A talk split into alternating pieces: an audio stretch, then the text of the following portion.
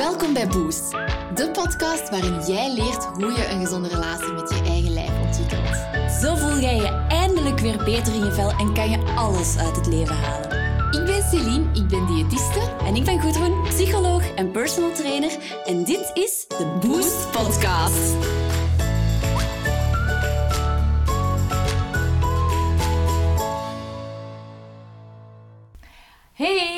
Welkom bij een nieuwe Boost podcast. Vandaag heb ik een fantastische gast bij mij, Groen Hespel. Ik heb niks met boost te maken, normaal nee. Ehm, maar we gaan eh, het vandaag wel een beetje hebben over uw uh, expertenstatus van sporten. Want daar weet je wel het een en het ander van. Eh, en vandaag gaan we de vraag beantwoorden: met welke sport verbrand ik het meeste vet? Vertel me, Goedron, wat moet ik doen? Ja, waarom hebben we deze podcast er eigenlijk ingestoken? Omdat wanneer dat je vroeger het gemiddelde boekje openklapte, was er altijd wel zo een artikel. Deze sport verbrandt het meeste vet. Of je moet voor je ontbijt gaan lopen, want dan verbrand je meer vet. En ondanks dat ik altijd probeer te zeggen aan mensen van ja, je moet echt gewoon een sport vinden dat je graag doet, zijn er toch nog altijd mensen die zeggen, maar ja, maar ja, het is toch zo dat je met sommige dingen meer vet verbrandt. Wat ook gewoon zo is. Dat is gewoon zo. Maar heel veel onderzoek en heel veel dingen worden door media en door van alle dingen um, nogal fout de wereld ingestuurd. Bijvoorbeeld, een van die dingen is nuchter lopen, dat dat meer vet zou verbranden. In theorie is dat zo. Hoe komt dat? Als je gaat kijken naar sporten in het algemeen, um, dan heb je verschillende energiesystemen, wat ervoor zorgt dat je kunt bewegen. Je spieren hebben energie nodig. En dat kan op verschillende manieren. Ofwel gebruik je de energievoorraad in je spieren, dat is glycogeen dat in je spieren zit opgeslagen. Ofwel gebruik je de energievoorraad uit je bloed, dat is dan glucose uit je bloed. Ofwel gebruik je je vetvoorraad. Nu, wat dat heel belangrijk is om te weten, is dat als je sport, je altijd een beetje een combinatie van die drie gaat gebruiken. Maar hoe intensiever de sport, hoe sneller dat je energie nodig hebt. En het probleem met vet verbranden is dat dat extreem traag gaat. Waarom? Uh, vet verbranden, dat heeft gewoon veel meer stappen nodig voordat dat echt effectief bruikbare energie is. Terwijl de energie die in uw spier ligt opgeslagen, onder de vorm van glycogeen of nog andere stoffen, daar ga ik niet op ingaan, die kun je veel sneller gebruiken. Dus een sprinter gaat voornamelijk energie gebruiken die in een spier zit. Die gaat inderdaad voor een sprintje niet zijn vetvoorraad aan, aanspreken, want dat gaat veel te traag om te kunnen gebruiken tijdens het sprinten. Dan weer iemand die aan matige intensiteit sport, die gaat vooral dan voor energie uit, uit glycogeen uit de spieren gebruiken en ook uit je bloed. En als dat op is, dan gaat hij ook vet vooruit aanspreken. Maar als je bijvoorbeeld gaat lopen om twee uur in de namiddag en je hebt al gegeten die dag, dan zit er natuurlijk veel energie ook in je bloed dat je kunt gebruiken. Terwijl als je nuchter gaat lopen, is dat er niet. Dus dan gaat je lichaam sneller moeten overgaan naar het gebruiken van vet om te kunnen sporten. Dus het klopt ook wel dat wanneer dat je sport op een nuchtere maag, dat je sneller vet gaat verbranden. Maar wat dat mensen vaak niet bij nadenken, is dat er na het sporten ook natuurlijk nog van alles gebeurt in je lichaam. Dus de sporter die gaat lopen op een nuchtere maag, die traint eigenlijk zijn eigen lichaam om um, zijn vetvoorraad te gebruiken om te kunnen lopen. Waarom is dat belangrijk? Voor de gemiddelde mens totaal voor niks. Dat heeft geen enkel nut. Maar voor bijvoorbeeld een marathonloper, die aan het einde van zijn marathon sowieso niks meer over heeft bijna van, van de voorraad aan energie in zijn spieren of in zijn bloed, is dat heel belangrijk, want die gaat dat nodig hebben. Dus bijvoorbeeld bij marathonlopers, triatleten en zo, is het heel belangrijk om ook dat systeem, dus die vetverbranding, heel goed te kunnen leren gebruiken voor het sporten. Want je kent wel zo dat gezegd, hè, de man met de hamer tijdens um, een marathon lopen. Um, dat is echt letterlijk het moment waarop alle energie in de vorm van suiker uit je lichaam gewoon op is en je lichaam volledig moet overschakelen op vetverbranding, dan noemen ze de man met de hamer omdat dat ineens veel moeizamer gaat. Maar als je daar dus als atleet of zo, of als gewoon recreant, nooit op oefent door af en toe nuchter te gaan lopen, dan gaat dat gewoon niet lukken. Ga je gewoon stilvallen omdat je lichaam niet weet hoe dat, dat vet moet verbruiken. Nu, Waarom is dat? Meestal wordt dat echter gebruikt in een context van afvallen. Wat moet ik dan doen om het meeste af te vallen? En dan zeggen ze, ja, maar als je op een nuchtere maag gaat lopen, dan gebruik je inderdaad meer vet voor dat loopje. Maar je gaat daarna wel gewoon eten. Terwijl als jij voor, u, voor het lopen gaat ontbijten, dan gaat je vooral die energie gebruiken om te gaan lopen. Dus dan gaat je dat systeem gebruiken. Maar als je gaat kijken over een hele dag verspreid, is het uiteindelijk, dat weet jij als diëtiste even goed als ik, uh, het belangrijkste dat je inderdaad gaat kijken naar je totale energieinname en je ta- totale energieverbruik. En als jij je ontbijt na het lopen eet, ja, dan gaat je daarna natuurlijk minder bewegen. In plaats van dat je ervoor gaat lopen, dan gaat je minder bewegen, waardoor je in de uren daarna je ontbijt misschien minder snel gaat verteren dan wanneer dat jij na je ontbijt gaat lopen. Hetzelfde met bijvoorbeeld, er zijn heel veel studies naar krachttraining. Ehm, en er zijn heel veel mensen die dan altijd zeggen van ja, daar verbrand je helemaal geen vet mee. Omdat inderdaad, tijdens het sporten verbrand je helemaal niet zoveel vet. Omdat je kunt geen squat doen op je vetverbranding. Dat gaat niet. Je gaat daar geen vet voor recruteren. Dus je gaat tijdens je sporten eigenlijk vooral je glycogeenvoorraad, dus de energie die in je spieren en in je bloed zit opgeslagen, gebruiken om te kunnen sporten. Maar natuurlijk, als je na het sporten gaat kijken, je bouwt spieren op, waardoor dat je basaal metabolisme omhoog gaat, waardoor je eigenlijk door alle vormen van beweging, of het nu ehm, high-intensity training of krachttraining of lopen is, uiteindelijk de vergelijking vaak op hetzelfde uitkomt. Als je totale energieverbruik hoger ligt dan, dat je, dan wat je binnenkrijgt, dan gaat je inderdaad moeten overgaan op vetverbranding. Of spieren, spieren verbranden, als je natuurlijk veel te weinig gaat beginnen eten. En heel vaak wordt dan nogal in onderzoek, allee, in onderzoek, in de boekjes, misbruikt van ja, maar ja, je moet op een nuchter maag gaan lopen om vet te verbranden. Maar dat is eigenlijk onzin. Je moet op een nuchtere maag gaan lopen als je je vetverbrandingssysteem wilt gaan trainen om dat te kunnen gebruiken. Maar je gaat veel beter kunnen lopen als je eerst eet voordat je gaat lopen. En ik voel dat zelf ook, want ik loop heel graag. Als ik ga lopen op een nuchtere maag, loop ik lang zo snel niet als wanneer dat ik gegeten heb. En heel veel mensen die gaan altijd op een nuchtere maag lopen, gewoon omdat ze denken, ja, dan verbrand ik het meeste vet. Maar als jij een betere conditie wilt krijgen, dan kun je eigenlijk beter gewoon eten op voorhand, zodat je alle drie je energiesystemen ook gewoon kunt trainen en zodat je ook gewoon energie hebt om je conditie te verbeteren.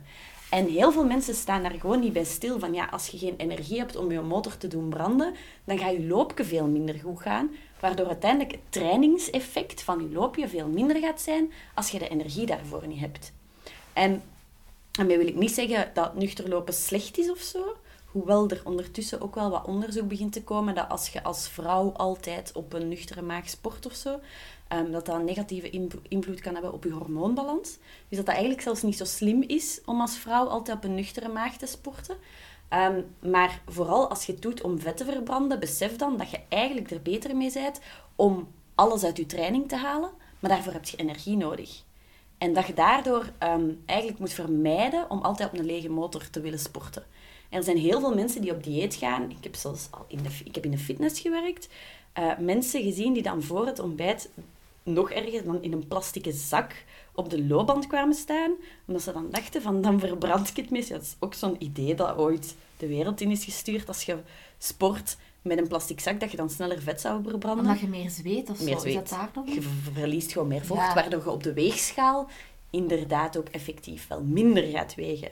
Maar je verbrandt gewoon veel meer vocht als je met een plastic zak, maar er is niks gezond aan veel vocht verliezen. Dus dat wordt En gedaan. ook niks aangenaam als... Nee, dat lijkt me echt verschrikkelijk. hoezo? maar ik heb het al, ik heb het al meegemaakt. Ehm, een ander ding wat ook vaak is, eh, wordt gezegd, is bijvoorbeeld ehm, dat je minstens een half uur moet sporten om Ja, vet te verbranden. Die wou ik je vragen. Ja, dat is een heel, een heel typische klassieke. Ja, als je minder dan een half uur sport, dan heeft het geen zin. Weer al, dan gaat je eigenlijk vooral kijken naar wat dat er tijdens het sporten gebeurt. Als je een half uur sport, dan krijg je inderdaad je heel systeem van verbranding op gang tijdens het sporten. Maar er zijn ondertussen al meer dan genoeg onderzoeken. Bij in de Boost Up we hebben heel veel korte workouts daarin staan. Ehm, die hebben onderzocht van als je een korte intensieve workout doet, dat dat op, op op het niveau van een dag, als je dat op een dag gaat bekijken, ervoor zorgt dat eigenlijk nadat je workout gedaan is, je metabolisme nog urenlang op een hoger pitje kan doorbranden. Dus als je gaat kijken, een half uur op lage intensiteit gaan joggen of zo, inderdaad, als je dat gaat kijken, je verbrandt meer tijdens je workout. Dat is logisch. Maar omdat je maar op lage intensiteit sport, gaat je nadien vaak gewoon al direct terug op je oude niveau van je metabolisme val- vallen. Terwijl als je een korte workout doet, van een hogere intensiteit, dan ga je inderdaad tijdens die workout niet zo gigantisch veel verbranden, omdat die misschien maar een kwartier duurt. Dan krijg ik soms de opmerking, ja, dat werkt niet, want mijn polar zegt dat ik maar dit verbrand heb of zo. En dan denk ik van, ja, maar ten eerste, dat is niet de status om je effectiviteit van je workout aan af te meten. Eh, maar ten tweede, het is niet sporten stopt niet bij het einde van uw workout. Uw lichaam nadien is eigenlijk ook nog altijd heel hard aan het werken om uw lichaam te laten herstellen van uw workout. En bij een workout aan hogere intensiteit moet dat natuurlijk meer moeite doen om je lichaam te laten herstellen. Dus ik denk voor heel veel mensen, ehm, ik was vroeger ook nogal zo'n obsessief geval, ik ging gewoon online zoeken welke sport verbrandt het meeste vet en dan ging ik dat doen. Terwijl ik dat misschien helemaal niet leuk vond. En ik weet dat iedereen gaat verwachten dat ik dit nu zeg, maar ik denk als je gaat kijken naar sporten over het algemeen, de sport dat je het leukste vindt, is degene dat je het langst gaat volhouden. Als je er geen enkele leuk vindt, dan denk ik dat je nog niet hard genoeg gezocht hebt. Want er zijn heel veel mensen die maar zeggen, ja, maar ik vind echt niks of maar... Er is echt zoveel te doen. Bijvoorbeeld, jij sport niet graag, maar als jij kunt dansen, de fitdanslessen bijvoorbeeld van, van Silke van mijn team, dat vind jij wel tof. Ja, vond ik fantastisch. Dus er is altijd wel iets dat je kunt vinden dat je Ja, leuk vindt, en denk ik. Ik denk dat je er ook niet per se goed in moet zijn. Nee. Ik ben niet de dance queen, maar ik vond dat wel heel leuk en ik had er wel plezier in. En het belangrijkste van al, wat ik erna besefte, is dat ik even niet aan werk aan het denken was. Mhm. En ik denk dat dat heel veel mensen misschien vaak niet beseffen, dat daar sport ook voor zorgt, is dat je even een uitlaatklep hebt, dat je even kunt ontspannen. Mhm. De, je batterijen er, laden er effectief wel van op. Oké, tijdens misschien niet, omdat je er moe van wordt, maar daarna zet je er wel heel blij mee. Dus daar moet inderdaad een shift komen van focus naar het, je moet er goed in zijn, of je moet het doen om calorieën te verbranden, naar kijk eens dat dat gewoon een moment is om te ontspannen, los van het veranderen van je lichaam. Mhm. Voor, allee, dus sporten om, om je lichaam te veranderen eigenlijk. Ja, ik denk dat dat bij veel mensen nog altijd wel zo hetgene is. Heel veel mensen, ehm, ja, bijvoorbeeld yoga, eh, dat is een van de beste sporten ooit. Ik zie dat wel nog altijd als sport, omdat je beweegt, letterlijk. Maar als jij je calorieënteller gaat opzetten tijdens een gewone yogasessie, ja, dan ga je op het einde van je sessie waarschijnlijk niet zo tevreden zijn. Want je gaat helemaal niet zoveel verbrand hebben. Tenzij bij sommige soorten yoga, maar daar ga ik niet dieper op ingaan. Maar dan krijg ik soms de opmerking van, ja, maar ja, dan werkt het toch, toch niet. Maar de bedoeling van, van sport is niet alleen om calorieën te verbranden. Het is ook de bedoeling van, om je lichaam gewoon tot rust te brengen.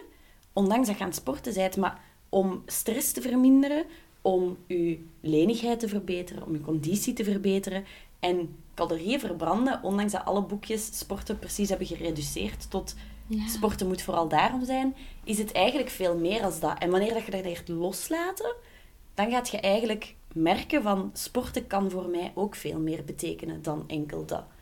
Ehm, maar voor de gemiddelde mens, ehm, ja, ik weet voor, voor echt atleten, topsporters of topatleten, is het inderdaad heel belangrijk om te gaan kijken naar, oké, maar welke energiesystemen moet ik trainen en wat kan ik daarvoor het beste doen? Maar voor de gemiddelde mens zou ik echt proberen om dat gewoon eens los te laten en te gaan kijken van welke sport brengt mij op lange termijn het meeste, zowel mentaal als fysiek.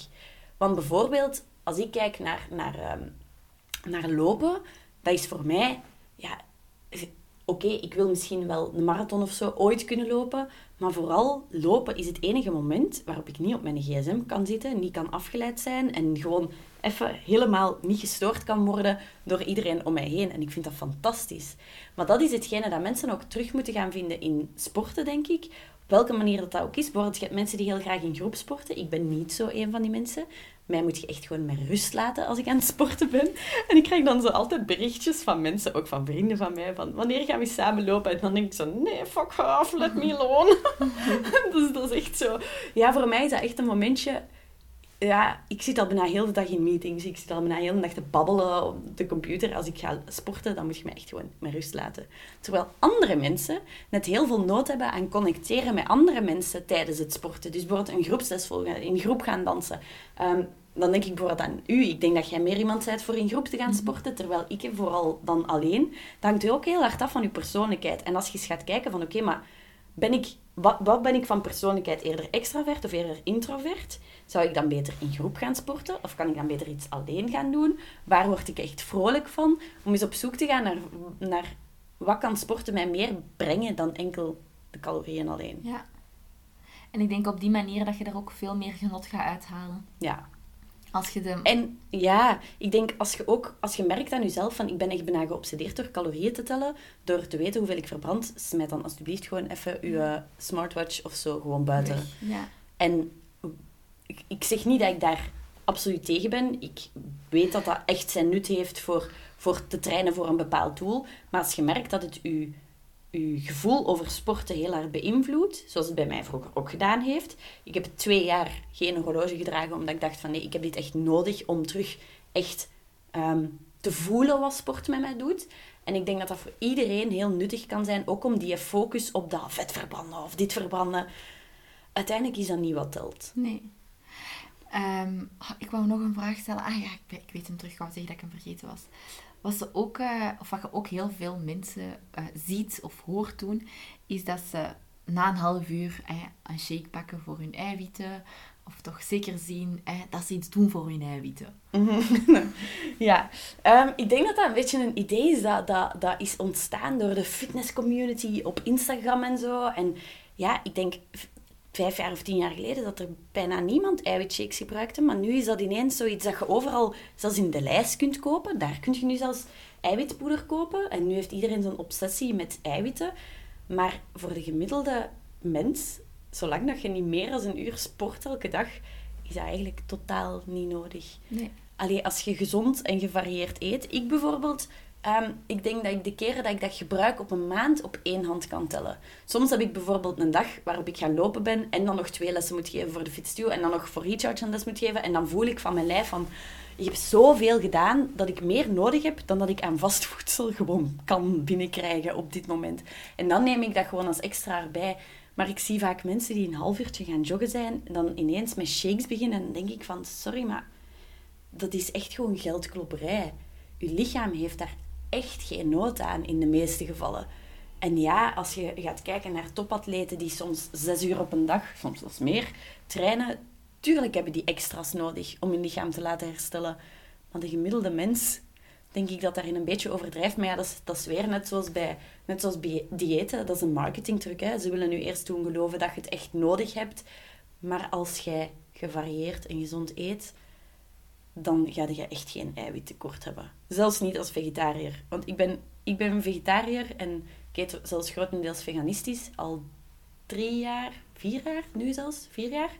Ehm, en ik denk niet dat je kunt zeggen dat ik een slechte conditie heb of niet sterk genoeg ben. Dus ik denk niet dat dat voor iedereen noodzakelijk is. Nee, dat is gewoon, En- kost echt gewoon superveel geld ook. Ja, het is heel gecommercialiseerd en ik denk Mhm. dat we daar een beetje van moeten afstappen. En stel dat je toch intensief hebt gesport. We hebben de dag van vandaag hebben we skir, hebben we kwark, Ja. hebben we heel veel vervangproducten waar heel veel eiwitten in zitten. En zijn die shakes aan zich ook niet nodig. Ja. Ik, ik ga zeker niet ontkennen voor topsporters en zo en mensen die heel veel sporten, is dat heel nuttig. Hè? Eh, Ik ben ook Ja, dat is gewoon een manier om... Als je bijvoorbeeld... Kijk, er is ooit zo'n tv-programma geweest ehm, dat Pieter Timmers, die de zwemmer Ja. heeft gevolgd. Ja, die moest 7800 calorieën of zo per dag eten. Ja, begint maar eens, hè. Sorry, maar dat krijg je gewoon op een dag niet in vaste voeding binnen. Dus tuurlijk moet je mens dat een beetje aanvullen met dingen dat hij gewoon kan opdrinken, want anders zit je letterlijk de godganse dag te eten, hè. Als je dat moet eten, dus in zo'n gevallen, ja, snap ik dat ook gewoon. Je Ja. dat niet anders kunt. Ik had pas iemand die ik eh, was tegengekomen en die moest bijkomen. En ze had zo de tip gegeven om Hagendas te smelten. Ze moest ook zo aan x aantal calorieën minstens per dag komen. Ehm, omdat ze, ja, ik weet niet meer voor wat ze moest bijkomen. En eh Hagendas smelten met M&M's. ik zo, amai, dat vind ik echt heel heftig. Dat is heftig, hè? Dat is heel heftig om zoveel calorieën eh, op een dag te eten. Ehm alright. Ik denk dat we de meeste vragen daarmee hebben beantwoord. Nog één ding misschien dat belangrijk is. Omdat ik zie ook heel veel mensen ehm, die bijvoorbeeld gaan zeggen van ik ga nu even lopen, want dan mag ik frieten eten. Nu, Reward eating noemt dat. wat hè? Heb je daar al eens van Ja. gehoord? Ja. Ja, ik kan dat niet Dus dat mensen denken van als ik ga sporten, dan heb ik genoeg verbrand en dan mag ik frieten eten. Ja. Ten eerste, sporten hoeft geen vereiste te zijn om iets te mogen eten. Nee. Dat heeft daar totaal niks mee te maken. Maar ten tweede, mensen overschatten ook gigantisch hard wat dat je verbrandt met een half uur sporten. Ehm, en ik denk dat daar soms ook een, een heel slecht evenwicht zit bij heel veel mensen die zeggen, ja, maar ik ga toch sporten, maar ik kom alleen maar bij. Omdat je vaak gewoon de reflex hebt van, ik heb gesport, nu mag ik frieten eten. Mega, goed dat je dat Terwijl dat dat helemaal niet recht even... Allee, ik denk dat, ik denk dat ik heel lang al moet lopen om letterlijk dat pak frieten te verbranden. Maar los daarvan, dat hoort gewoon geen beloning te zijn voor je Nee. sporten. Sporten en eten, vind ik, moet je echt los van elkaar leren zien. En dat vind ik een, heel belangrijk om ook aan te halen, omdat dan toch nog altijd iets is dat ik bij veel mensen zie die klagen van ja, maar ik sport veel en ik kom alleen maar bij. Omdat je je sporten als een voorwaarde gaat zien om te mogen eten. Ja. In plaats van gewoon te luisteren naar waar heeft mijn lichaam nood aan. Gewoon dat het ga- gaat zeggen van ik ga sporten, want dan mag ik frieten eten. Klopt. Of want dan mag ik uitgaan en pizza en wijntjes drinken. En dus dat vind ik ook heel belangrijk om Ja, dat los te koppelen. En ook mensen die aan het fitnessen zijn en krachttraining aan het doen zijn en die dus in spiermassa aankomen, wat dus ook heel normaal is, dat die bijkomen op Ja, ik ben ook bijgekomen door te sporten. Ja, en, en je krijgt extra spieren en je wordt gezonder, want spieren zijn gewoon goed. dat is- Dat is goed om veel spieren te hebben en om sterk te zijn. Dus het bijkomen mag dan geen issue zijn, omdat dat puur spiermassa is. Dus je hebt inderdaad die twee scenario's, hetgeen wat jij zegt, Mhm. Daarom. Als je veel begint te sporten, smijt alsjeblieft ook gewoon die weegschaal. Als je die na al onze afleveringen nu nog niet hebt buiten gesmeten, ik zweer het, maar doe het dan nu. Ik ga het gewoon eens Ja. zeggen. Smijt je weegschaal buiten. Als je dat nog altijd niet Als hebt je gedaan, dan start- luistert je echt niet naar ons. Nee, maar dat kan heel demotiverend zijn. Want als je start met sporten, het eerste wat gebeurt is eigenlijk, je traint je spieren om beter te worden in sporten. Wat gaan je spieren als reflex daarop doen? Die gaan er beter in worden om glycogeen op te slagen.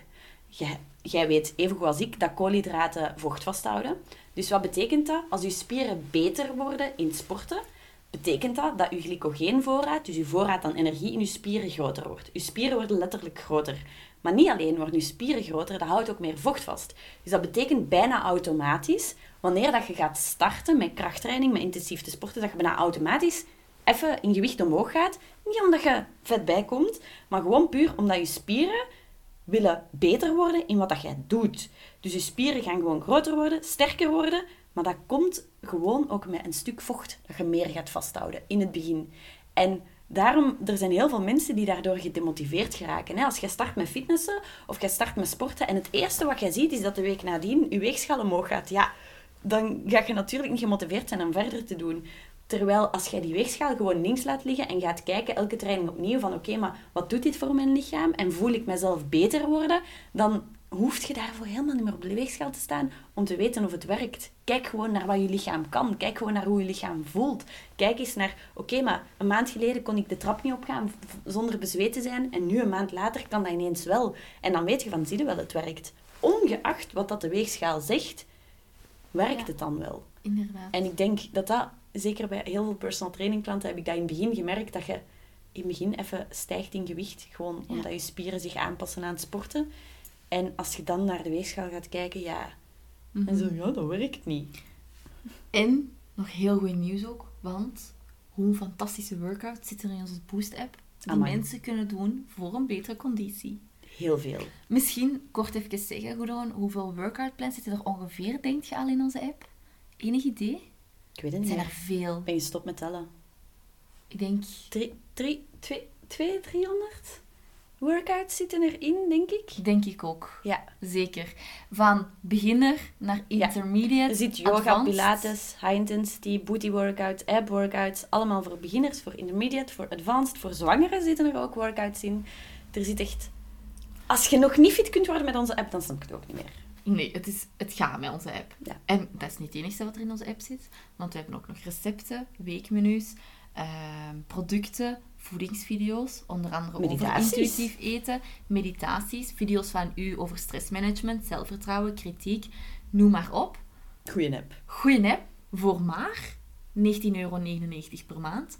Of 9,99 euro voor een jaar. Allee, als je een jaarabonnement neemt. Dat is echt niet veel Dat is geld, echt hè? niet veel. Dus als je nu na deze aflevering zoiets hebt van... Godverdomme, Celine en Goedroen, je hebt gelijk. Wat gaan we aan het zeggen, zij het daar? En ik doe het niet. Download dan een keertje onze Boost-app. Want Ja. die kan u wel echt gaan helpen. Niet downloaden en er niks mee doen. Dus Celine en Goedroen ziet ze als een mannetjes op je schouder die u regelmatig een Let's schop, go, onder je, een schop onder je kont geven. Om er ook wel effectief iets mee te Ja. doen. Het zijn keitoffe workouts. Je kunt Ja. zelfs al een workout doen van 9 minuten op een dag. 9 minuten. Kijk eens naar de tijd. Nu even naar Instagram, hoeveel tijd dat je doorspringt op Instagram. En als je dan nog altijd zegt, ik heb geen tijd om te sporten, dan mm, mm, snap ik het ook niet. Dus Instagram dicht, Boost app open. En dan En zelf gaan. gaan werken. Ja. Oh, ik hoop dat er niet te veel mensen via, via video aan het kijken zijn, want ik ben hier dingen aan het doen. Gewoon Maar- gaan. Ik denk dat we bij deze kunnen Ja. afsluiten. Eh, merci om te luisteren. Merci Goedroen om uw expertise hier vandaag te komen delen in de fantastische Boost podcast. Ik hoop dat ik u nog een keer ga mogen uitnodigen. Volgende keer ben ik er weer bij. Ja, dat is Oh, keigoed. Surprise. en tot volgende week. Ciao. Doei. Wacht, nog niet weggaan. We zijn het belangrijkste nieuws nog vergeten te vertellen. Als je deze podcast leuk vond, dan zijn wij ervan overtuigd dat je onze Boost-app nog meer dan fantastisch gaat vinden. In onze Boost-app vind je honderden workouts, recepten, gezonde producten, mindset tips en tricks, een mood tracker en nog heel veel meer. Onze Boost-app zal jou helpen om gezond, maar vooral ook gelukkig door het leven te gaan. Je kan de Boost-app vinden in de App Store of Play Store. Je gaat gewoon zoeken op Boost met een uitroepteken en dan ga je er vanzelf opkomen. En je kan gewoonweg nu direct de gratis versie gaan uitproberen. En we beloven het, hij is echt volledig awesome.